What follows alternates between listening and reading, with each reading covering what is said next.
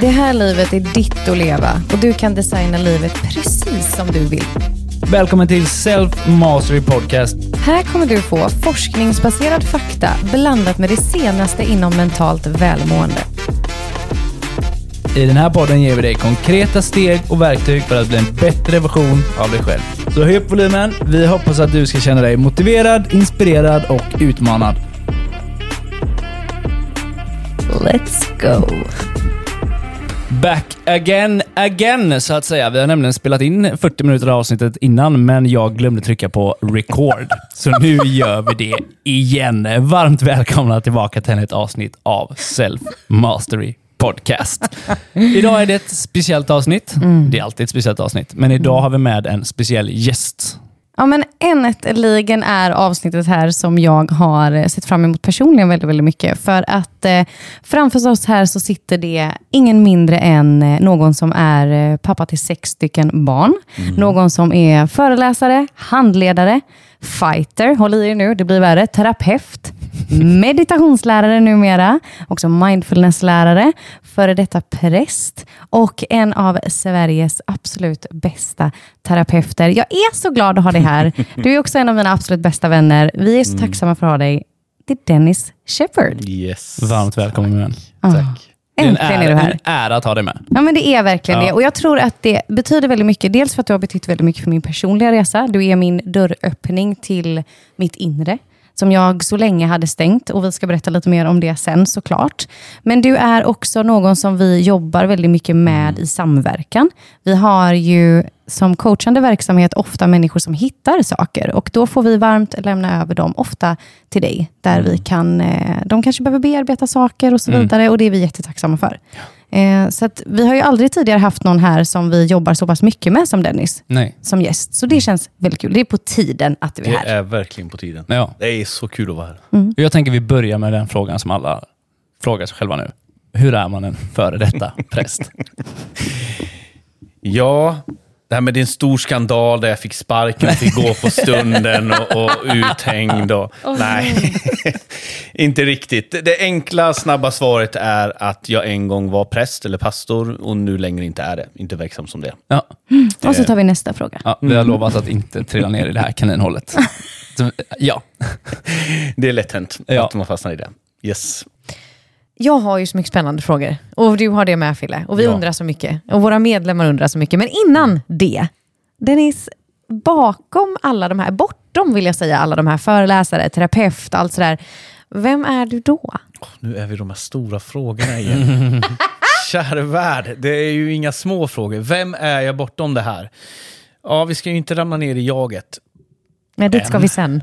Dit ska vi sen. Vi kommer hamna där. Eh, Eller så här, får jag ge en bild så får du försvara den istället? ja, då? tack. Ja. Så första gången jag träffar Dennis, då får jag ju ett samtal av dig där det är Du, jag har en ny granne som du måste träffa. Han är, han är terapeut och träff, präst. Han är supertrevlig. Jag målar upp en bild i mitt huvud av en kille med typ bruna chinos, byxorna högt upp, en vit kortärmad skjorta, instoppad Mustasch. mustasch och samma frisyr som mig fast försöker behålla håret på typ. Kommer till Nathalies gård och träffar Dennis, en helt tatuerad, skitsnygg, muskulös typ drug dealer, MC-gubbe. typ. Inte alls min typiska bild av eh, terapeutprästen. Jag är inte så fördomsfull. Ja, men det, för att besvara din fråga och försvara mig från det här. Eh, jag tror alltid att jag aldrig har passat in i en box. Nej. Eh, och det, det spelar ingen roll vilket sammanhang jag än har befunnit mig i, så har jag inte varit riktigt i boxen. Nej. Vare sig det är bland drug dealers eller bland präster. Eh, eller på psykoterapimässor så är jag alltid en udda fågel. Ja. Så, så är det nog. Ja. Men det, jag tycker det är en jävligt cool udda fågel. Alltså. Den ger ju också lite... Den sätter ju en prägel, en stämpel. Ja, liksom. absolut. Det är du och Björn Rudman. Liksom. Ja. Det, är, det är coola jävla gubbar. Men man kan också bli så inmålad i ett hörn då. För att jag har ju undvikit terapi och psykologer så mycket jag bara kunnat vid den här perioden när vi träffas. För vi blir ju grannar och det är faktiskt våra barn som klickar först ute på gården. Eh, och sen så blir jag ju stormförtjust i dig och din fru Emma, världens bästa Emma. Och, och då så i det här så har jag ju hittat coachningen och jag har också lärt mig, eller för, undermedvetet förstått att den kan få mig att fortsätta springa. Jag behöver inte ta tag i det som ligger bakåt, för coachningen är väldigt så här, lösnings, vad är nästa steg och motivation och så vidare. Så, um, så började jag fatta tycke för er och så bara, ja, vad, vad gör du då? Frågar man sådär efter ett tag. Och då bara, nej men jag är terapeut. Och jag minns, alltså vi står ute på gräsmattan, den gräsmattan som sen har hållit oss mycket i picknicks och vinkvällar och så vidare. Men, och bara tänker, fucking hell. Helvete också. För att jag tyckte så mycket om dig, så jag visste någonstans att här är han. Nu har också liksom, visionen placerat en terapeut rätt i ansiktet på mig. Också en människa som jag litar på och mina barn litar på. Mm. Så nu visste jag att jag skulle inte komma undan längre. Och då bad du mig packa mina väskor. Och det gjorde jag. Vi är fortfarande ute on the road med de där väskorna kan jag säga. Men it's been a ride baby. Ja, alltså Som, verkligen. te- som terapeut så skulle jag vara orolig för att du så snabbt känner tillit till en tatuerad drug dealer. det, det skulle kunna vara någonting vi behöver jobba i terapirummet. Ja, 100 procent.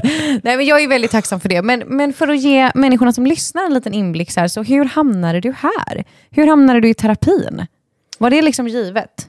Det var hyfsat givet. Jag har alltid haft en, ett hjärta och alltid velat jobba med människor. Det här visste jag jättetidigt. Eh, och mitt första jobb direkt efter, efter gymnasiet var på skolan med struliga ungar och kände direkt att det är det här jag vill göra. Sen har ju den vägen tagit mig dit. Eh, jag började plugga stort sett direkt efter gymnasiet och har inte slutat plugga sedan dess. Utan jag har fortsatt vara skola och det har varit Eh, förutom eh, avbrottet med, med ett par år teologi så har det varit psykologi på olika sätt som jag har studerat. Liksom, och, och det, är min, det är mer en passion än ett arbete. Det är det verkligen. Så himla fint att få jobba med sin passion. Verkligen. Det är magiskt. Ja, det är det verkligen. Men vad finns det ett slutmål?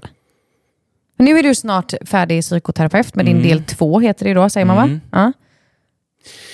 Ja, eh, jag har haft lite förskräckelse därför att när jag tar lägget nu, det sista del två här, så finns det liksom ingen övre del. Eh, och jag får ju lite panik då, för jag vill ju gärna... Och nästa del skulle i så fall bli att forska, och det vet jag inte om jag är jätteintresserad och sugen på. Nej. Men jag har ju också gått hos coaching hos dig. Mm. Eh, och du har ju lagt en, eh, fått fram en massa härliga visioner som jag har. Så att jag, har ju, jag har ju stora drömmar eh, av att faktiskt lämna landet Sverige och börja bygga min, eh, min värld någon annanstans på ett annat sätt. Eh, men det jag självklart har med mig mitt, mitt yrke och mina delar. Liksom. Så att, nej, det finns inget slutmål. Och det hoppas jag aldrig ska finnas. Jag vill aldrig kliva av på någon station, utan jag vill fortsätta resa. Så fint. Men du bedriver inte en vanlig form av terapi, utan du bedriver någonting som heter schematerapi. Mm. Kan du berätta lite mer om det här? Absolut. Eh, det är en av många terapiformer och det är väl den terapiform jag har upptäckt och landat i som den mest potenta och den häftigaste terapiformen eh, av flera. När jag möter mina klienter så jag kommer att välja terapiform efter vad de kommer med för behov. Så det kommer alltid skräddarsy. Men schematerapi funkar allra bäst för de här livslånga mönstren och när man fastnar i saker som man inte kan komma loss ur. Och som är kanske någonting som jag haft med mig under väldigt lång tid.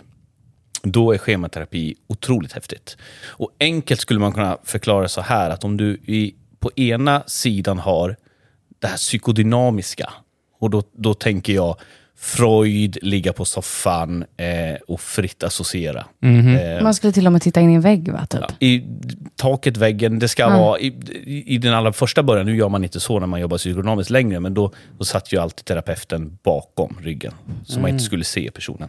Va, vad Ibland sa var, vad var filosofin bakom det? Ja, men tanke, tanken är, den här har ju utvecklats från Freuds dagar eh, och det är fortfarande en, en, en väldigt användbar form. Men det som hände var att man märkte att det finns en grundtanke att om jag vet varför jag beter mig som jag gör, om jag kan få svaren på, och det här ligger ju oftast då kopplat till någon barndomsknut, något trauma, någon uppväxtproblem. Så om jag får reda på varför det blir problem för mig idag, så kommer jag ha makten att kunna förändra det här. Det är liksom en grundtes, väldigt förenklat. Det man upptäcker, eller det man upptäcker om man jobbar med det här, är att många gånger så räcker inte det. Nej. Så folk kommer till en insikt. Ja, nu förstår jag varför jag beter mig som jag gör eller varför det blir som det blir och jag förstår skillnaden. Och jag vet vad jag ska göra, men jag kan ändå inte göra det. Mm. Och det blir oftast väldigt långdraget. Man kan ju gå i många, många år. 10, 20, 30 år går ju folk i liksom en terapi. Så någonstans utefter det så växte den kognitiva terapin fram.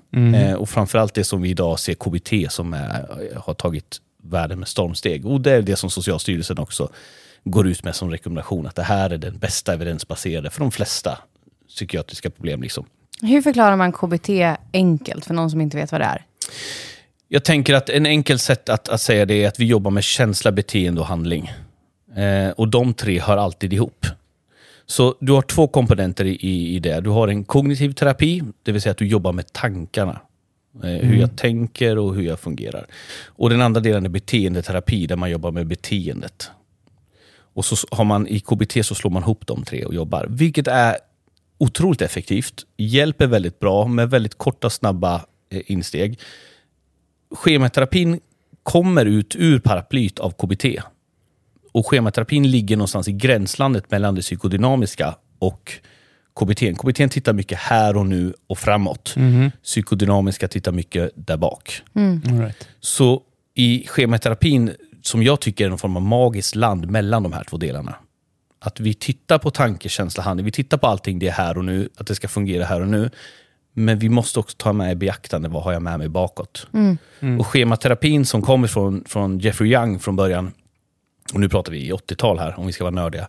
Det, eh, det kom utifrån, och han var kognitiv beteendeterapeut, Jag jobbade mycket med kognitiv terapi. Eh, Det var att han såg att den här terapiformen, KBT, eh, den kognitiva terapin, den funkade jättebra på väldigt många. Men de som kommer med komplexa problem och de som kommer med problem med, med anknytningsproblem och problematik som sträcker sig som livslånga mönster, verkade det inte bita på. Det gav inte den effekten man, man ville ha. Så därav utvecklades det här schematerapin. Eh, och det är en blandning av, vi har anknytningsteorin i den här, vi har, vi har eh, utvecklingspsykologin, vi har gestaltterapi och vi har eh, flera olika spännande ingredienser. Det är liksom enklektiskt att man har plockat in olika terapiformer och hittat en, en, ett sätt som verkar fungera väldigt, väldigt bra. Eh, och jag kom i möte med det när jag gjorde min steg ett eh, till grundläggande, när jag blev eh, KBT-terapeut. Så började jag läsa det och sen gick jag i min egen terapi, i schematerapi. Och så fick jag göra några av de här. Jag fick göra den egna terapin och jag tänkte att jag var hyfsat färdig. Jag tyckte när jag var, jag, jag är, Man tror ju det. I've got shit together. Liksom, så här. Jag, jag har jobbat med det här så länge. Eh, och sen gör vi några visualiseringsövningar. Och hon trycker på några knappar, min terapeut. Och det är bara öppnar sig en helt inre värld som jag hade gömt under så mycket försvarsmekanismer och murar. Och, och det hände så mycket. Eh, och jag blev helt blown away av det sättet att jobba och arbeta. Och då började jag djupdyka i det och så bestämde jag mig att det här behöver jag det här behöver jag jobba med, det här behöver jag specialisera mig mot, det här vill jag lära mig mer om. Det var otroligt potent. Och jag ser ju det i mitt arbete idag, att det här är, det ger bäst effekt. Liksom. Dennis, är du färdigläkt nu? Ja. Eh, nej, det skulle jag inte säga att jag är. Nej. Eh, jag skulle säga att det finns en dimension av, av eh, egen utveckling, eh, men det finns också sår och eh, mönster som kanske inte påverkar mig idag, men som fortfarande finns kvar. Och det finns vissa delar som jag fortfarande jobbar med. Jag tänker man måste hitta mer hela tiden. Typ. Ja, men det, det gör man ju faktiskt. Men kan, Eh, kan man bli färdigläkt? Kan man vara liksom helad? Det är den stora frågan. Du undrar ju det här varje dag. Ja. Nej, nej, men jag, jag tror inte man kan det. Jag tror alltid det finns någonting som gnager. Jag tror inte man kan få bort smärta. Jag tror du kan lära dig leva med smärta. Nej, men där går ju vi isär. Jag tror in, där tror inte jag på dig. Nej. Jag tror att man kan bli fri från smärta. Det Ja. tror jag. Sen tror jag man bör i så fall definiera så här, vad är läkt? Är du med? När men du det det säger så, vad är Ja. läkt? Liksom. Men, men jag vill ju tro att man kan komma till en punkt där jag upplever att du själv är, där det är behagligt. Där det Mm. är så här, jag har landat i att jag fungerar. Det är Mm. inte längre typ en hög funktionell position som bara är byggd av försvar. Ja. Typ, är jag ute och cyklar? Nej, eller? nej, Ja. jag skriver på. Ja, du ska på. Vad fint. Men jag är så nyfiken på, ehm, när man kommer till dig då, eh, nu, nu vet ju jag hur det går till, men om man inte vet det, är det liksom det första som, för jag tänker i schematerapin så är det de här olika mönstren man letar efter. Eller beskriv liksom klientresan lite grann, hur skulle det se ut? Mm, men man, man kommer ju alltid med ett med en problemformulering. Just det. Så här, vad är det som inte funkar i ditt liv nu? Uh-huh. Vad, vad är det du behöver hjälp att komma vidare med som du inte har kommit vidare med innan? Och utifrån den här eh, problembeskrivningen, där väljer vi ju vilken inriktning vi ska ta. Väljer vi schematerapi så är det antagligen så att det är någon form av relationsproblematik eller problem i eh, mönster som jag inte har kunnat bryta. Och då börjar vi ju någon form av första kartläggning. Just det. Eh, och det, anknytningsteorin är ju en väldigt bred grund till schematerapin. Så vi vill också se så här, vad, vad har vi med oss för anknytningsmönster. För det är oftast det som ställer till det i relationer till andra sen. Både relation till mig själv och relation till, till andra. Så en, en, en patientresa börjar med att vi först formulerar va- vart vill du? För det kanske händer att jag bara vill ha en good enough nivå eller jag vill, vad är det jag vill göra, vad är det jag vill uppnå. Därefter gör vi en kartläggning där vi vill på något sätt se vilka olika scheman eller mönster eller problem är det vi kan se. Kan vi hitta vart de har uppstått, hur de har uppstått och hur de agerar idag. Och när vi ser vilka mönster jag har så vill vi också se vad, är det, vad använder du för försvarsmekanismer? Vad har du för coping? Vad, hur gör du för att hantera det som inte fungerar? För det blir- oftast blir inte så funktionellt idag. Det har säkert funkat, eller det funkade jättebra när du var liten. Det, det blev en överlevnadsstrategi. Nu funkar det mindre bra. Men vad, vad är en typisk försvarsmekanism hos någon? Ja, men eh, väldigt vanligt skulle jag säga att eh, vi ser i relationsproblem att jag har svårt att eh, ha nära relationer. Släppa in någon. Och då kanske en försvarsmekanism är att jag behöver hålla dig på avstånd. Du har Eller- ingen aning om vad han pratar om nu, eller? Det, jag kan eh, känna igen mig i vad han nämner. Absolut. Pinpointed. Okej, ja. Så det skulle kunna vara en, en sån, eh, eh, ett sånt, ett sånt, en sån strategi som funkade när jag var liten, Ja, men som inte är funktionellt nu. ja. Men den sitter djupt inkodad, både på en kognitiv nivå, men också känslomässigt. Men varför sitter den där från första början? Liksom? Vad är det som har fått mig att ta fram det här försvaret? Det, är alltid, det handlar ju alltid om, eh, om vi pratar om det här med anknytning, så, så handlar det om att det är ju någonting i anknytningen till min trygga anknytning som, som har blivit störd. Och en strategi, om jag nu upplever att jag har en strategi att jag behöver hålla en viss distans, så har det varit för farligt att vara nära. Antingen så har den föräldern inte släppt in mig eller reagerat med aggression eller det har blivit någon form av konsekvens som gör att mm, jag hamnar längre ifrån den personen jag behöver vara nära. Så jag skapar strategier för att få vara så nära som möjligt den här personen. Den som är den viktiga. Och det är en överlevnadsinstinkt. Ja.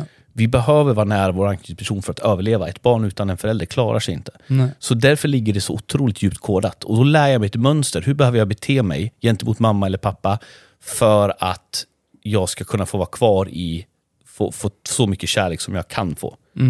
För ibland får jag inte jättemycket kärlek alls. Och det här Ja, sker ju precis. helt instinktivt. Oh ja. Ja, det är ju Oh, liksom ja. inget, ett, inget val ett barn gör, Nej. utan det bara händer. Ja. Liksom. Ja. Vi, vi har strategier för att överleva. Och det funkar i där och då. Så det här har jag med mig och jag är omedveten om det så fortsätter det.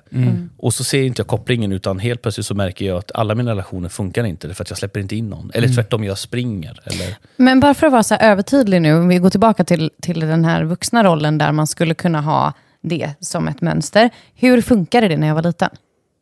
Hur menar du nu? Ja, men, eh, det här exemplet som du tog på en Mm. försvarsmekanism. Hur fungerade det när jag var liten? Hur fick jag kärlek av det? Att Jo. stöta bort? Jo men så här. Eh, om, om jag har en, vi kan ta en mamma för, för, för enkelhetens skull. Så här. Jag har en mamma, men hon av någon anledning tillåter mig inte att komma henne nära. Antingen blir hon arg, eller så blir hon trött, suckar, eller på något sätt visar någon aversion mot mig. Så jag märker att varje gång jag närmar mig mamma, då stöter hon bort mig. Just det.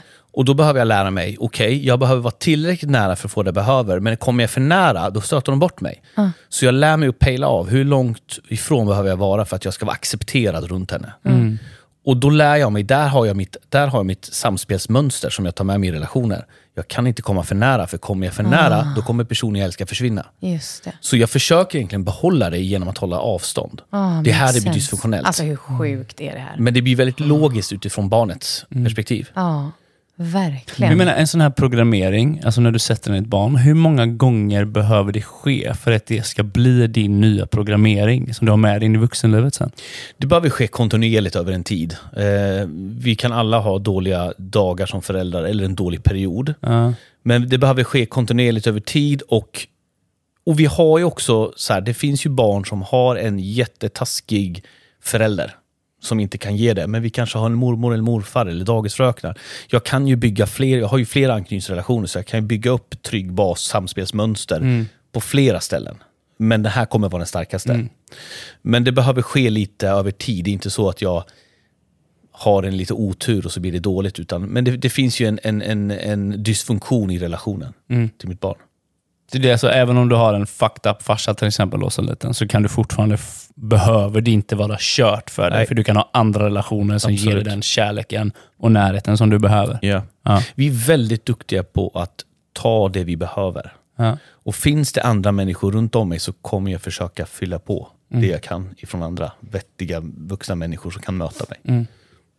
Men hur gör man sen då om man, om man, om man har fått en sån här programmering som liten och eh, man inser här nu i vuxen ålder att mina relationer fungerar inte. Hur bryter man det här mönstret sen? Den första delen, det vi börjar med att jobba med är att medvetandegöra det här. Jag börjar bli medveten om de här mönstren. Tända en ficklampa liksom. Ja, lite så. Alltså många av de som kommer är inte kanske medvetna om att jag stöter ifrån. Eller så gör man det eh, utifrån att, jag vet inte varför, men så fort jag kommer nära så stöter jag ifrån. Eh, eller flyr. Eh, och då behöver man vara medveten om, varför gör jag det här? Och då hjälper vi till att kartlägga så att jag kan få se, aha, det är det här. För en del, eh, för en del räcker det. Att jag ser att jag agerar på det här sättet, vilket inte blir logiskt. Jag stöter ifrån för att jag vill hålla nära. Och då kan jag stegvis och sakta utmana det och exponera mig mot det. Eh, och i en trygg miljö så kan det bli ske en läkning. För en del så sitter det här djupare och framförallt sitter det på ett känslomässigt plan. Så även om jag kommer åt det kognitivt, alltså även om jag förstår det intellektuellt, så är det en känslomässig, den, den, jag blir kidnappad av känslan. Och det är här vi behöver också jobba med eh, känslomässig läkning. Och det är här vi pratar om schemaläkning i schematerapi. Då. då finns det ett sår som är alldeles för öppet och som inte självläker. Även om vi har, även om vi har plåstrat om då behöver vi gå in och läka det. Eh, och det är här vi jobbar mycket med det inre barnet. Eh, och mycket upplevelsebaserade interventioner och sessioner. Vad är det? Ta exempel. Ja, men det, det kan vara olika visualiseringsövningar. Eh, det kan vara olika former av rollspelsövningar där du, där du tar, tar in, eh, pratar med dig själv, olika sidor av dig själv.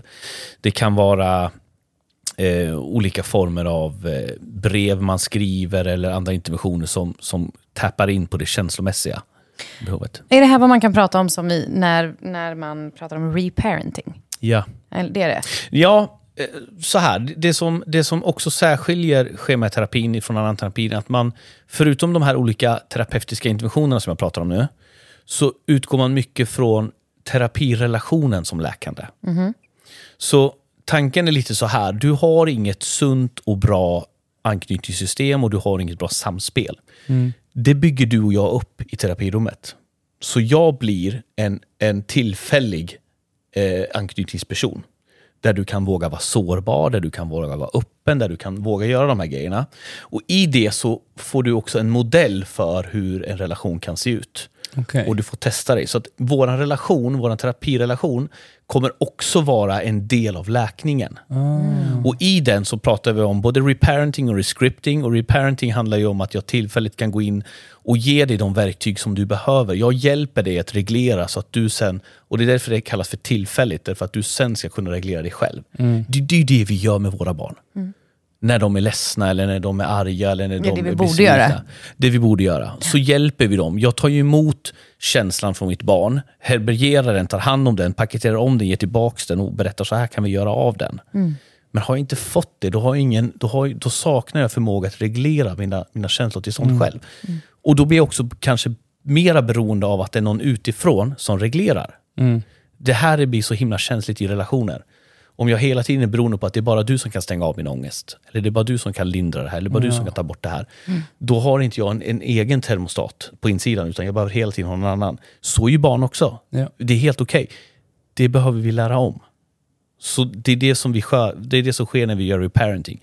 Vi hjälper dem att, att få de verktygen igen så att det blir deras egna. Vi gör om. En omprogrammering liksom.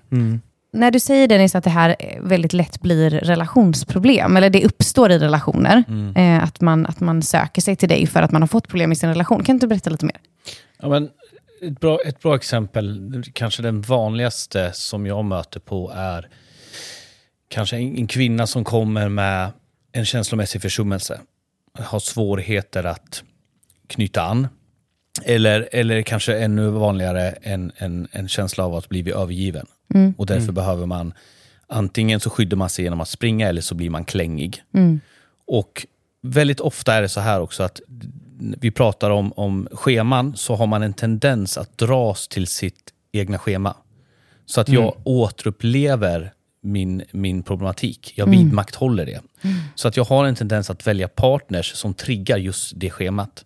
Så går jag med ett schema med övergivenhet så kanske jag kommer välja någon som jag inte riktigt vågar lita på. Eller någon som inte alltid finns där. För att det triggar någonting igenkännande hos mig.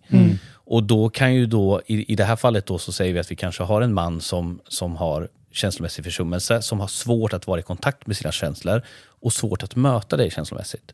Så att vad han gör då är att han skapar distansen till dig, därför att det blir jobbigt, vilket skapar en jättestark reaktion hos dig som vill jaga och då blir han rädd och så tar han distansen.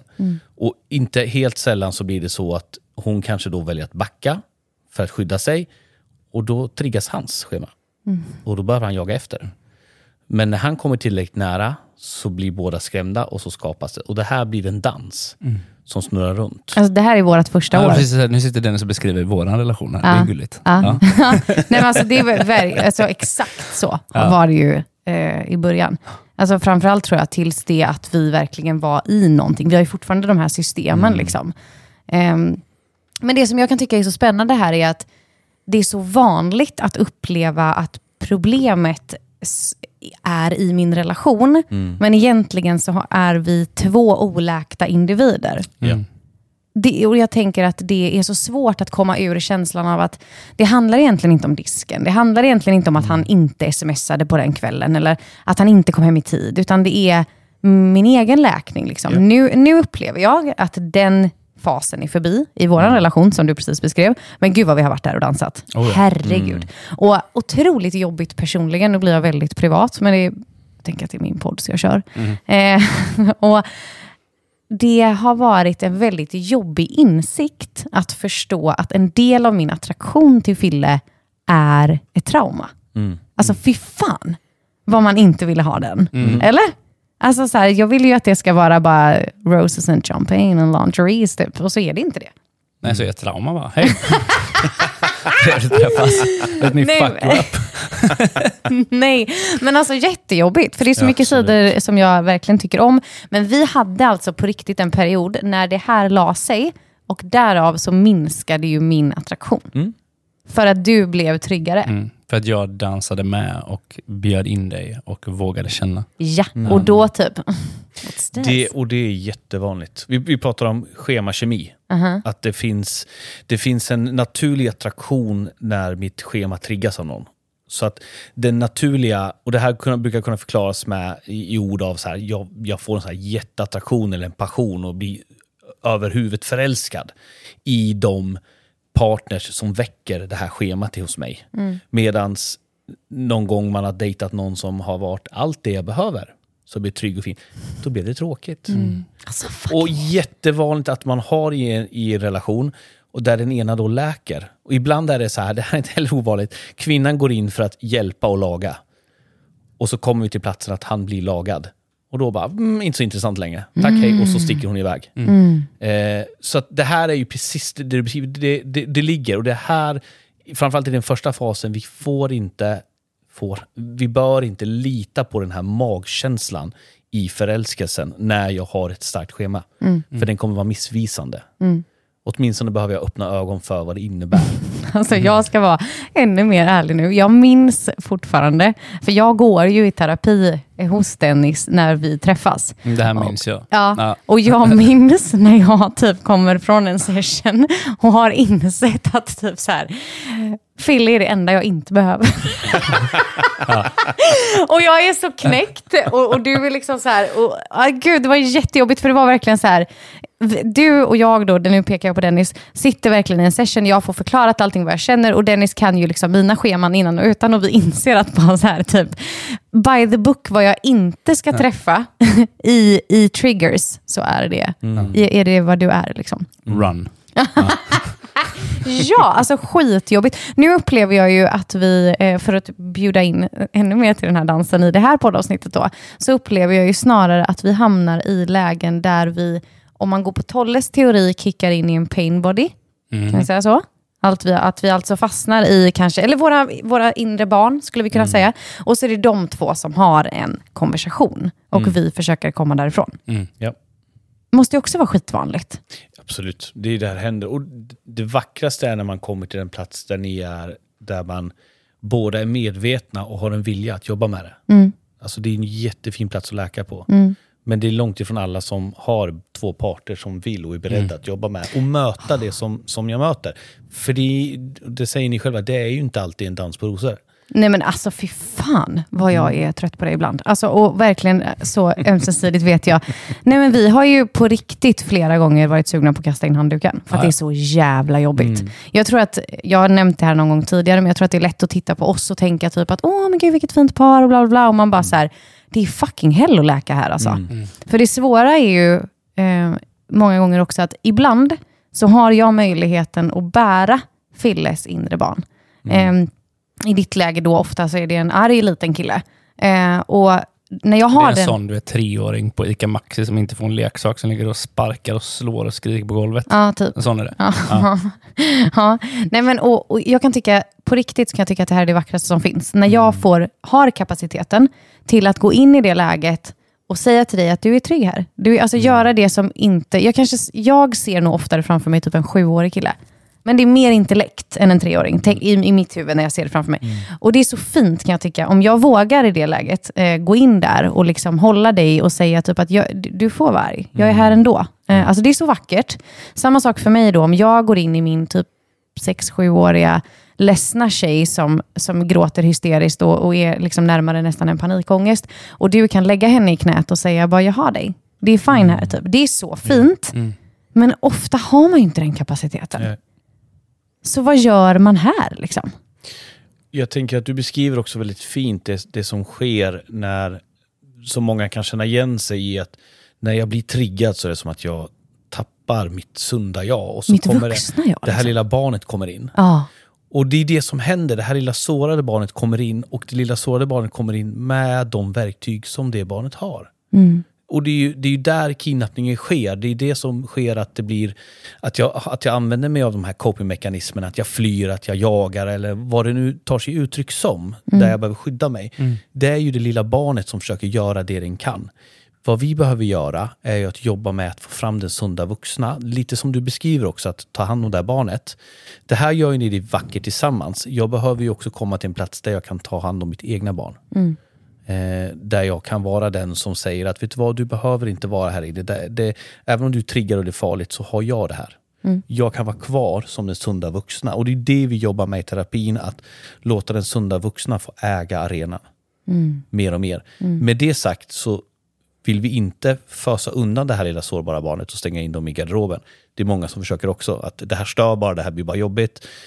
Och då är, och är vi tillbaka till att man kanske återupprepar när jag var hemma och visade vissa känslor, ilska, sorg, besvikelse eller hade krav eller behov snarare, så blev jag bortskjuten. Det är inte okej, den här känslan är inte okej här. Det här behovet kan inte jag möta, det är inte okej, jag blir frustrerad själv som förälder.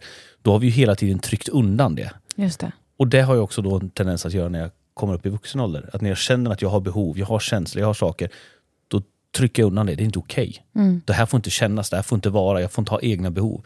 Jag går hellre in i anpassning eller vad, hur kan jag möta dina behov eller hur det nu kan se ut. Så det handlar ju om att vi vill göra en switch, att du får möta ditt inre barn och di- din egna sårbara sida. Ta hand om det, få hålla om det och säga du är trygg här. Och sen kunna gå vidare och hantera situationen som den vuxna i relationen. Men om jag får eh, dyka vidare ner lite i det här, om det känns okej. Och så får du Fille säga till att så här, nej, det hit vill jag inte gå i mina känslor. Det tänker inte jag berätta i en podd. Okej? Ja. Hit! Kör på. Eh, nej, men jag tänker så här då. ännu mer oss som exempel. Vi, jag har ju den här liksom, ledsna lilla tjejen och jag förstår att jag tror att många gånger i vår relation, som du har tagit upp flera gånger Fille, så har jag önskat att Fille ska vara den som håller mig där. Medan jag har behövt ta mitt vuxna förnuft till fånga och förstå att jag kan hålla mig. Jag behöver inte att, alltså, bli beroende av att någon annan ska lösa min ledsamhet, utan jag kan hålla mig i det. Ledsamhet är en mycket enklare känsla att hantera än Filles arga känsla. För den är av någon anledning då mer välkommen. Eh, när vi tittar på ilska så blir det istället väldigt lätt dömt. Väldigt lätt så här, jag kan inte vara nära dig för du blir ilsken, eller du, du blir irriterad, eller du blir arg. Eh, det är en jätteutmaning kan jag uppleva. Varje känsla bär ju ett behov. Varje känsla är också en indikation på ett beteende eller en handling, antingen till mig eller omvärlden. Att vara ledsen inbjuder till att bli tröstad. Yes. Och det är också det behovet som den bär, ta hand om mig. Ilska däremot, det skjuter ifrån. Det tar bort. Det i, I sin natur är den ju för att skydda mig själv eller någon annan. Så det, är ju, det har ju en skyddsfunktion. Och i den skyddsfunktionen så finns det inte en öppenhet att mötas. Nej. Därför jag satt upp en mur. Där blir det intressanta snarare, vad är det ilskan skyddar? Vi brukar alltid säga att den maskerar en annan känsla. Ja. ja, men väldigt många gånger gör den det. Det, det, är ju, det är ju en situation som triggar där jag upplever någonting blir hotande för mig. Och ilskan blir mitt skydd. Så hur kan jag då, vad, vad är det ilskan försöker skydda ifrån? För då hittar du grundbehovet. Så behovet behöver inte ligga i ilskan. Det kan vara handla om att sätta en gräns eller en gränssättning eller att, att skydda sig själv. Men många gånger kan ilskan komma ut på ett sätt där syftet är egentligen inte det, utan det kanske är eh, att skydda mig från en sårbarhet. Eller en känsla av misslyckande eller otillräcklighet. Eller vad det nu är som, som det bärar av. Och den känslan är för jobbigt att hantera.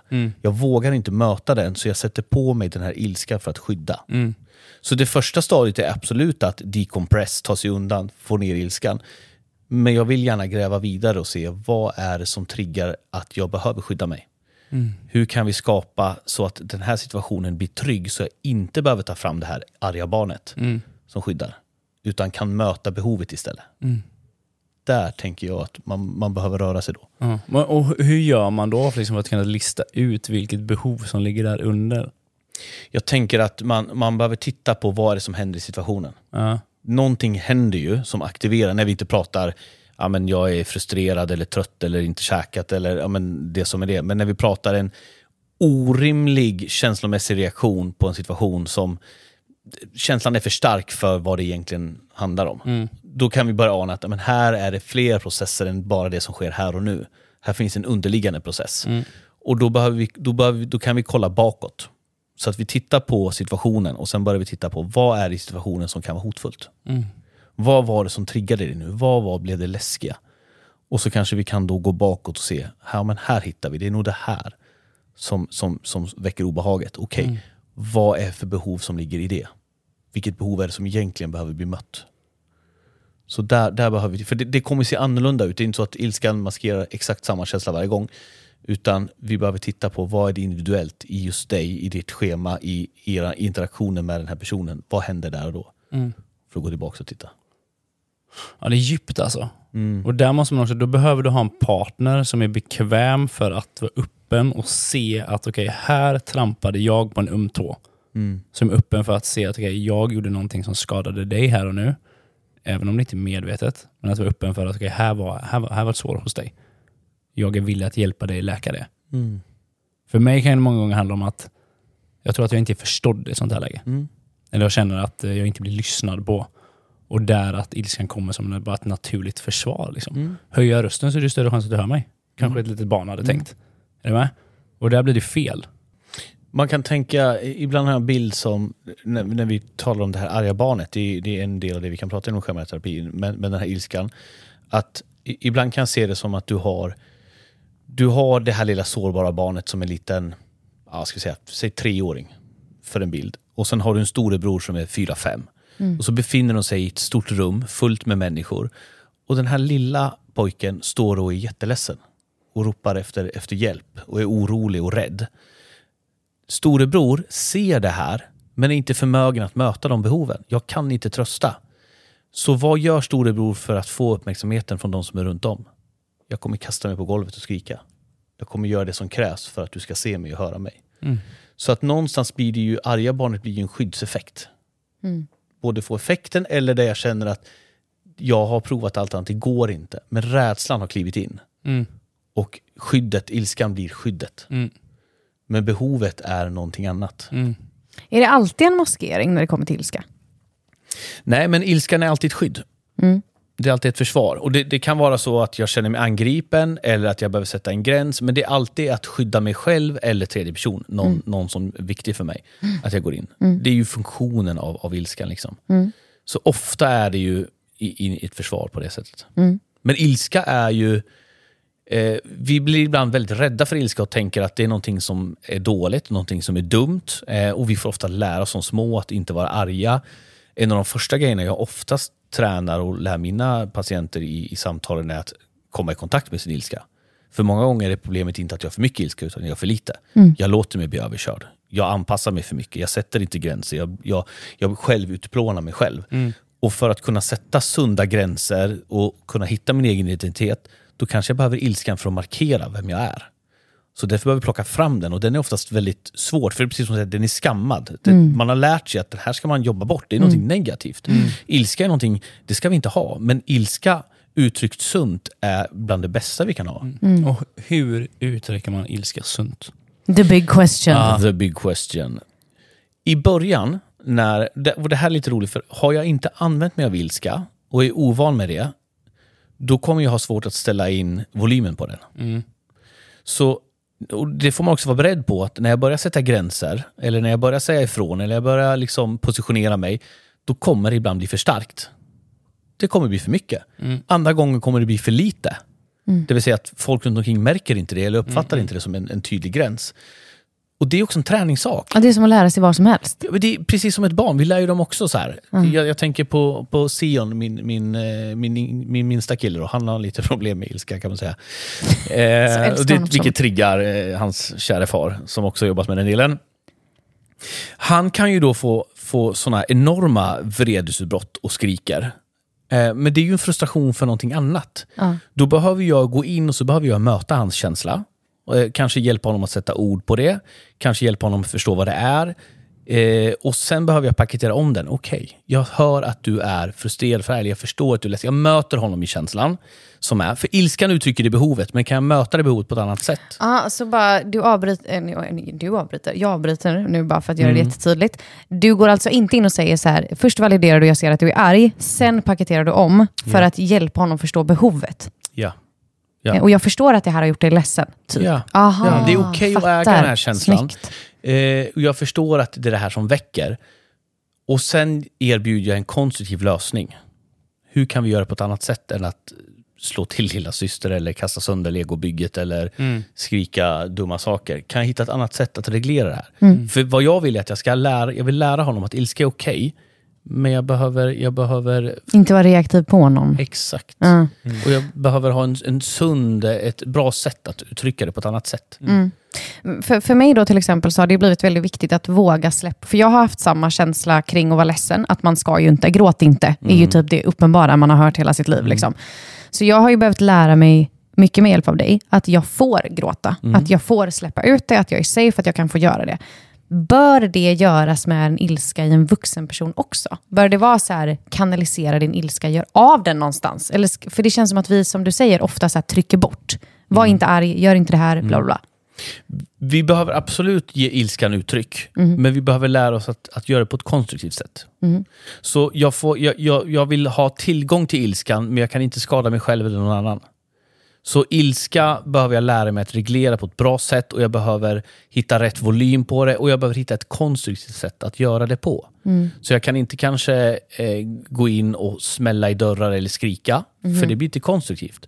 Men jag behöver kanske vara tydlig med en gräns, om det är gränssättning.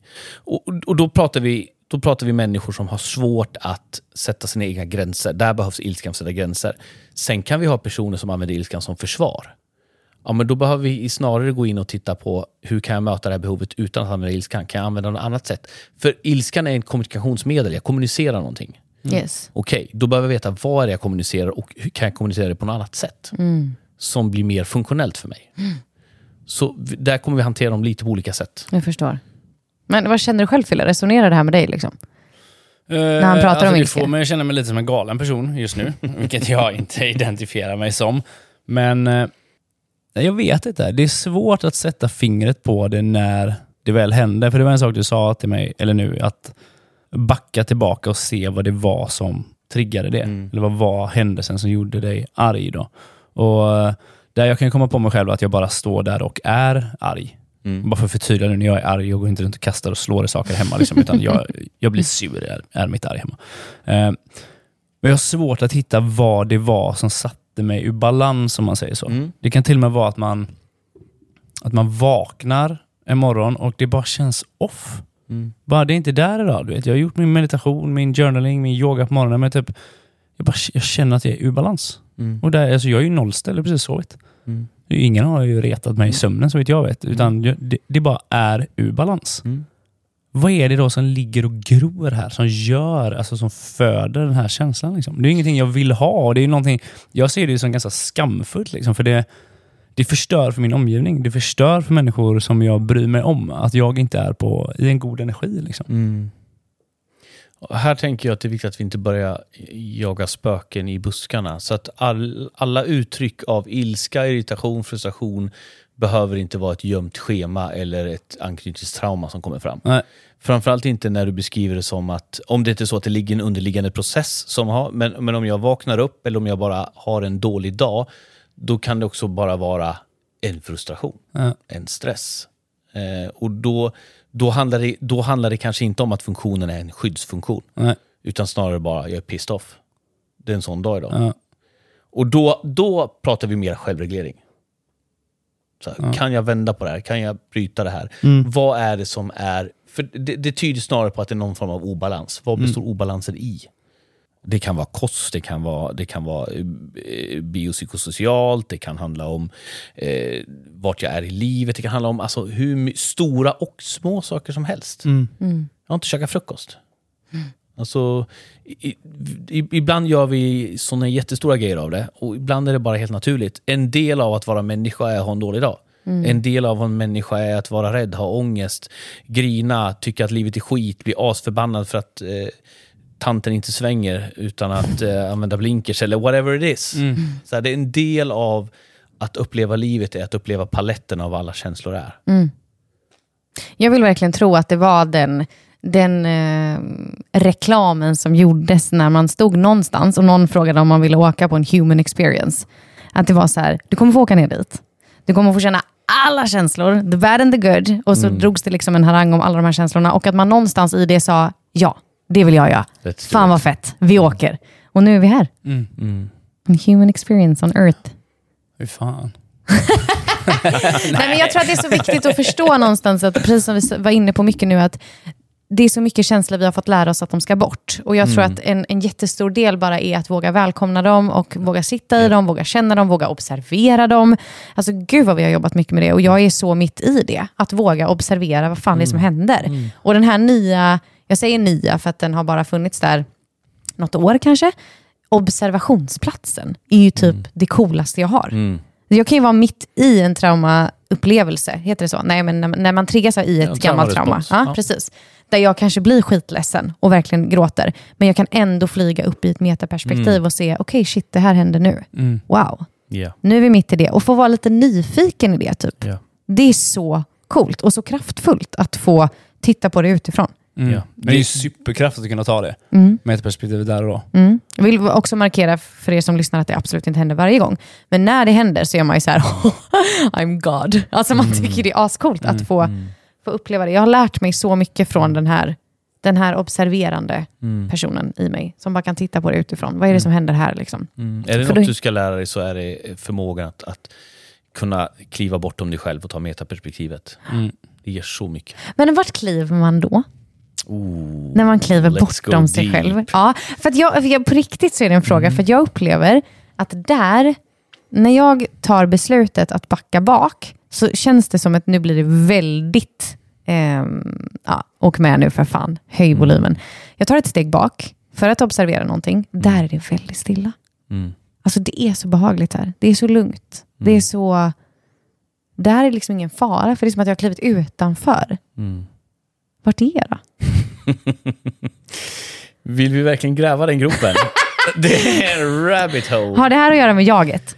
Det kan absolut ha med jaget att göra. Eh, jag skulle säga att om vi ska prata om jaget eller det, det, det, det sociala konstruktionen av jaget så skulle vi kunna till och med säga att vi har ett jag och sen har vi ett metaperspektiv, ett överjag. Eh, och då menar jag inte i freudianska termer, men det här observerandet. Och sen tänker jag att det finns ytterligare en dimension. Eh, faktiskt. Mitt högre jag. Ja, men den som observerar den som observerar. Är du med? Det finns ju faktiskt någon som observerar det också Mm. och kan tänka och reflektera kring det. Eh, och där kan vi ju, ju längre bort vi går, desto mera kommer vi bort från oss själva. Och det är i oss själva problemen finns. Därför att vi skapar vad det är. Alltså någonstans tänker jag att mycket av det man gör i ett terapirum är att skala bort illusioner. Jag upplever att jag blir lämnad. Och sen skalar man bort det tills man förstår att jag blir inte lämnad. Så att vi lever så mycket i illusioner och verkligheter som vi skapar själva. Och att börja riva bort det och kliva bortom illusionerna. Och det finns ingen bortre gräns. Alltså nu slutar ju vi i terapirummet när lidandet slutar. Men vad säger att illusionerna slutar där? Nej. Låt oss liksom gå ännu längre bak. Ja. Då börjar det bli riktigt spännande. Ja. Men alltså, du, vi, vi har ju jobbat ihop ett tag där du har, eh, jag har varit din eh, patient och du ju har också varit min klient där jag har coachat dig. Då kom ju du in för ett tag sedan och hade lärt dig om jaget och var upp över öronen och blew my mind away. Så att jag var ju tvungen att komma hem till Fille och pladdra på om detta och var helt stressad över min existentiella kris som du satte mig i. Kan du inte snälla berätta lite om detta? Uff. Ja, det här är ju det här är ju en enormt spännande resa. Eh, ja, men det, det började någonstans i, i, eh, i studiet av neuropsykologin där, där man någonstans, där jag började plocka bort att se att vi har egentligen inget autonomt jag. Vem är det som styr mig? Alltså jag tänker ju inte mina tankar. Jag observerar dem. Så vart kommer tankarna ifrån? Vem är det som observerar det? Vad, vad är det som händer? Likadant med, och det här är också en stor fråga, har vi en fri vilja? Så tänker man, ja men, ja, men det har jag. Eh, man, gjorde en, en del, man har gjort jättemycket spännande forskning, hjärnforskning på det. här. Men en, en, en forskning som varit jätteintressant det var till exempel bara för att se så här, kan jag styra min, kan styra min vilja? Ja men det kan jag göra. Jag kan ju välja att, nu lyfter jag upp min hand. Och det är ju jag som väljer att göra det. Nu väljer jag att lyfta ner den. Alltså har jag en fri vilja. Så gjorde man ett test på det här då. Där man kopplade upp eh, för att mäta hjärnaktiviteter. Där vi ser liksom när hjärnan förbereder att nu ska vi skicka signalerna för att lyfta armen. Och så testar man det här då. Och så, och så säger man till testpersonerna att säg till när du tar beslutet. Och sen när du har tagit beslut så trycker du på knappen. Ja, fine. Tänker man, det är väl inga konstigheter. Det enda konstiga är att vi ser att när jag tar beslutet, en bra stund innan har hjärnan redan varit förberedd att lyfta handen. Alltså beslutet är taget på ett omedvetet plan. Men jag tror att det är jag som autonomt tar det beslutet. För hjärnan fungerar så att vi vill alltid ha ett, hjärnan vill alltid skapa ett sammanhang där, där, det, där, där allting hör hemma och där allting hör samman. Att det finns en logik bakom det. Problemet är att den logiken och det sammanhanget det skapas i efterhand av hjärnan. Inte i förhand. Så man skulle kunna säga istället för att jag är jag, mitt jag, är en president som sitter i mitt huvud och bestämmer, så är jag i bästa fall en talesperson för att berätta vad som bestäms där uppe. Mm, men vem fan är presidenten då? Mm, this is interesting. Alltså nu ryser jag och då har du ändå det? berättat det här för mig innan. Det här är ju sjukt spännande. Va? Så kombinationen av, av det här och österländska filosofer, då, då är det namnnamn. Då kan man gå djupt. Ge mig namnnamn. Ja, Ja, kör. Namnnamn. Ja, men, jo, men det finns ju en flummig del. Nu är vi bara på den här eh, delen med, finns det en fri vilja, determinism, eh, hur, hur funkar jag, vad är, vad är jaget som... Alltså det vill säga att jaget är en social konstruktion, en berättelse, ett narrativ som min hjärna skapar. Jag är den här, jag är pappa, jag är det här och jag, jag har de här egenskaperna. Och så tänker man att det är någonting som har varit permanent över tid. Medan egentligen så är det hjärnan som efterskapar en sammanhängande berättelse. Eh, tittar vi bortom det här nu, om vi tittar på, på österländska filosofier, ja, men då kan vi ju prata om eh, tomhet, eh, sunyata med eh, ett icke-jag. Man pratar ju om, om atman som jaget och anatman som icke-jaget. Eh, och då börjar det bli lite intressant, för det här är ju inte nya tankar. Det är ju bara det att neuropsykologin har sett det här eh, någonstans 70-talet framåt, eh, där man verkligen börjar se det. Medan man i tusentals år har pratat om, pratat om det här utifrån de vedantiska traditionerna. Där börjar man ju prata om icke-jaget. Att vi är inte ett jag, utan det är en illusion. Vi lever i den illusionen av jaget. Precis som den världen jag, som, som jag ser och har runt omkring mig också är en illusion. Och den sanna verkligheten ligger bortom illusionen. Och att, att bli fullständigt medveten, eh, närvarande, är att se sanningen om vad som är en illusion. Vad är jag, vad är inte jag? Och där tänker man sig också, apropå det här med lidandet. Lidandet är ju att, eh, att jag är fäst, detached. Nu är vi inne på buddhism. Men att jag är detached till saker, att jag är fäst vid saker. För att det är mitt och jag äger det. Medan svaret på det lidandet är att jag kan kliva bortom det. Förstå att finns inte jaget, finns inte heller lidandet. Eh, ja, det är så spännande tankar. Ja, det är det är så, så djupt spännande. filosofiskt och eh, som du säger, flummigt. Ja. Men det, det är det som är så häftigt, att det flummiga backas upp av väldigt mycket forskning. Mm, att det makes Ja, men sense. är det Makes så sense. flummigt då? Ha, Nej. nej, Ja. just det. Slutdiskuterat. Ja. End of story. Ja. men verkligen. Alltså, Ja. gud. Ja. Men om vi, om vi, ska gå, vi ska gå tillbaka lite från det flummiga in i terapin här Mm. igen.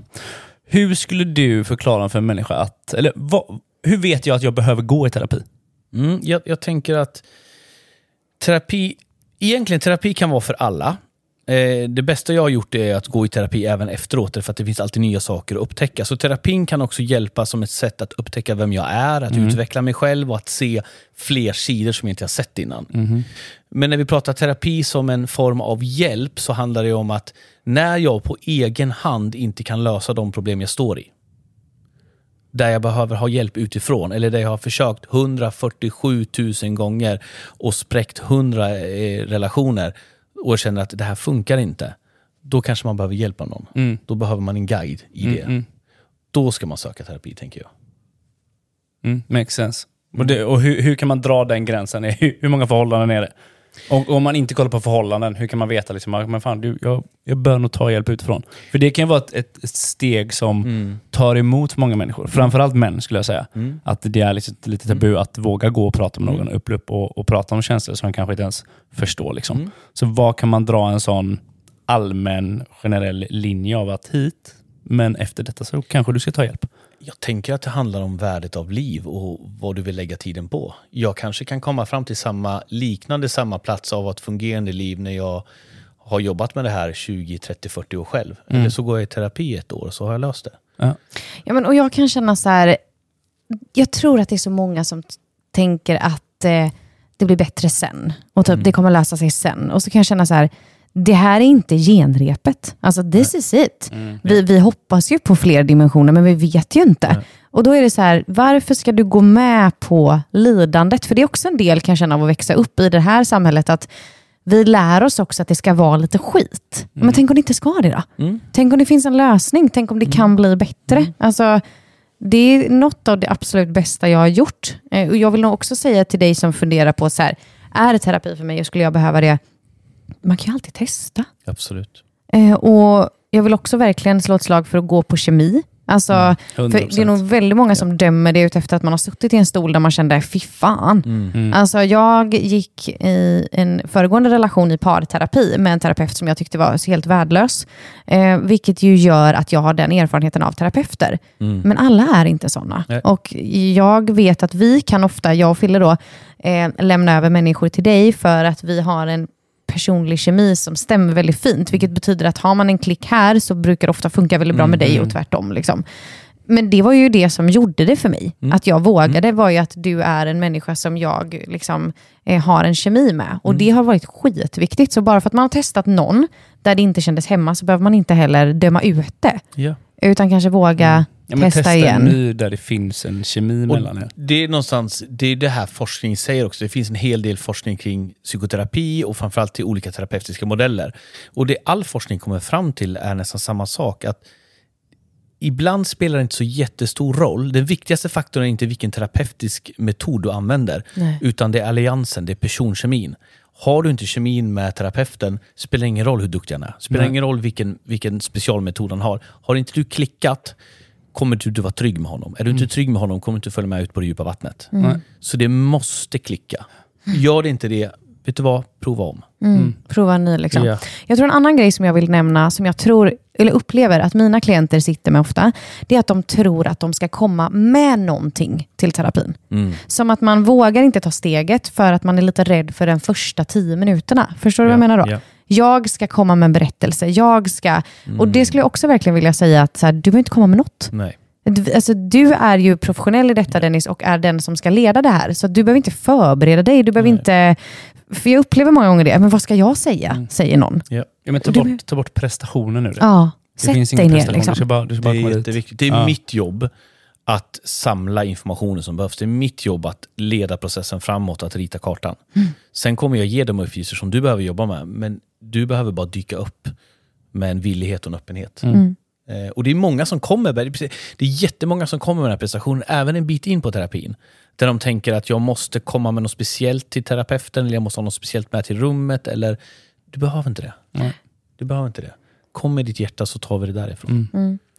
Jag har en fråga också som jag verkligen behöver ställa. För att när jag hintade lite om att du skulle komma hit, så är den mest ställda frågan, om jag liksom sätter ihop den, så är det typ, vad är egentligen läkning?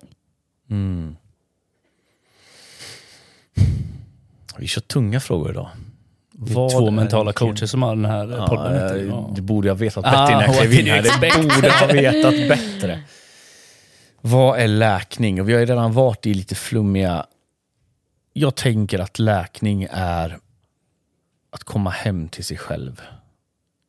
Jag tr- Jag tror att jag skulle vilja benämna det så. Att, Mm. att, för är jag hemma i mig själv så kan jag knyta an till det som är runt omkring. Mm. Syftet kommer alltid vara kärlek. Det är det vi är. Det, det är det som är vårt djupaste grundbehov. Att leva i kärlek och uppleva kärlek. Ge och ta kärlek. Och när jag är skadad eller trasig eller har sår så påverkar det min förmåga att ge och ta kärlek. Att läka är att kunna fritt låta kärleken strömma.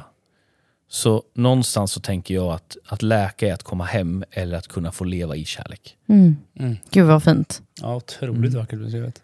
Kommer jag alltid då behöva uppleva det som har gjort ont igen för att läka det som blev skadat? Förstår, det var flummigt frågat av mig, men förstår du vad jag menar? Behöver jag liksom, eh, för att läka mina sår, behöver jag gå igenom samma upplevelser för att förstå att de är, eh, för att få en ny uppfattning om dem? Behöver jag liksom återuppleva det jag läker för att...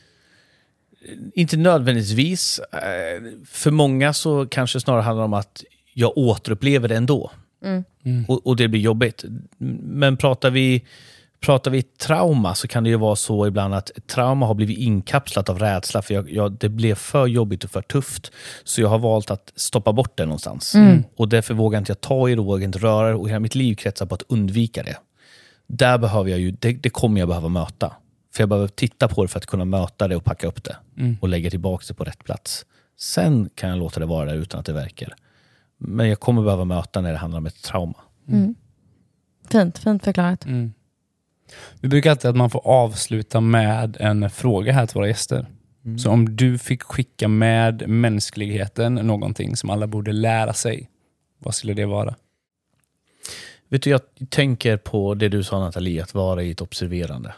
Är det någonting jag vill skicka med? Någonting som alla kan ta till oavsett om du lever i skadade relationer, i sargad självkänsla eller på toppen av ditt liv.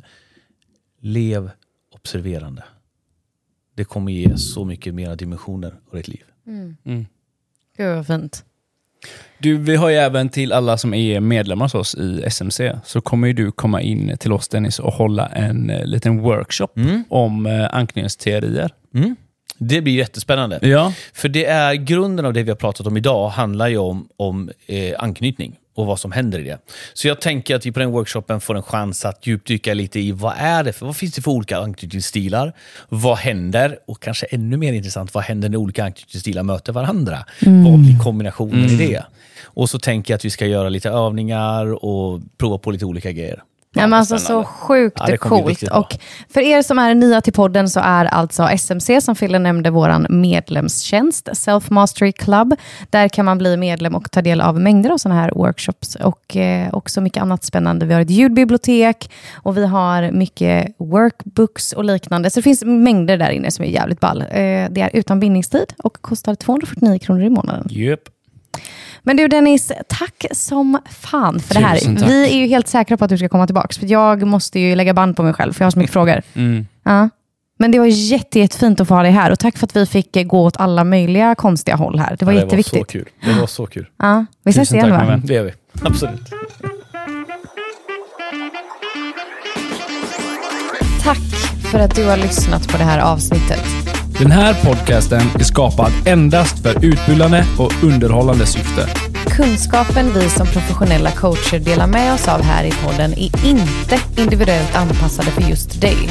För råd anpassade just efter dig ber vi dig alltid vända dig till en professionell coach, psykoterapeut, psykolog eller annan kvalificerad yrkesperson.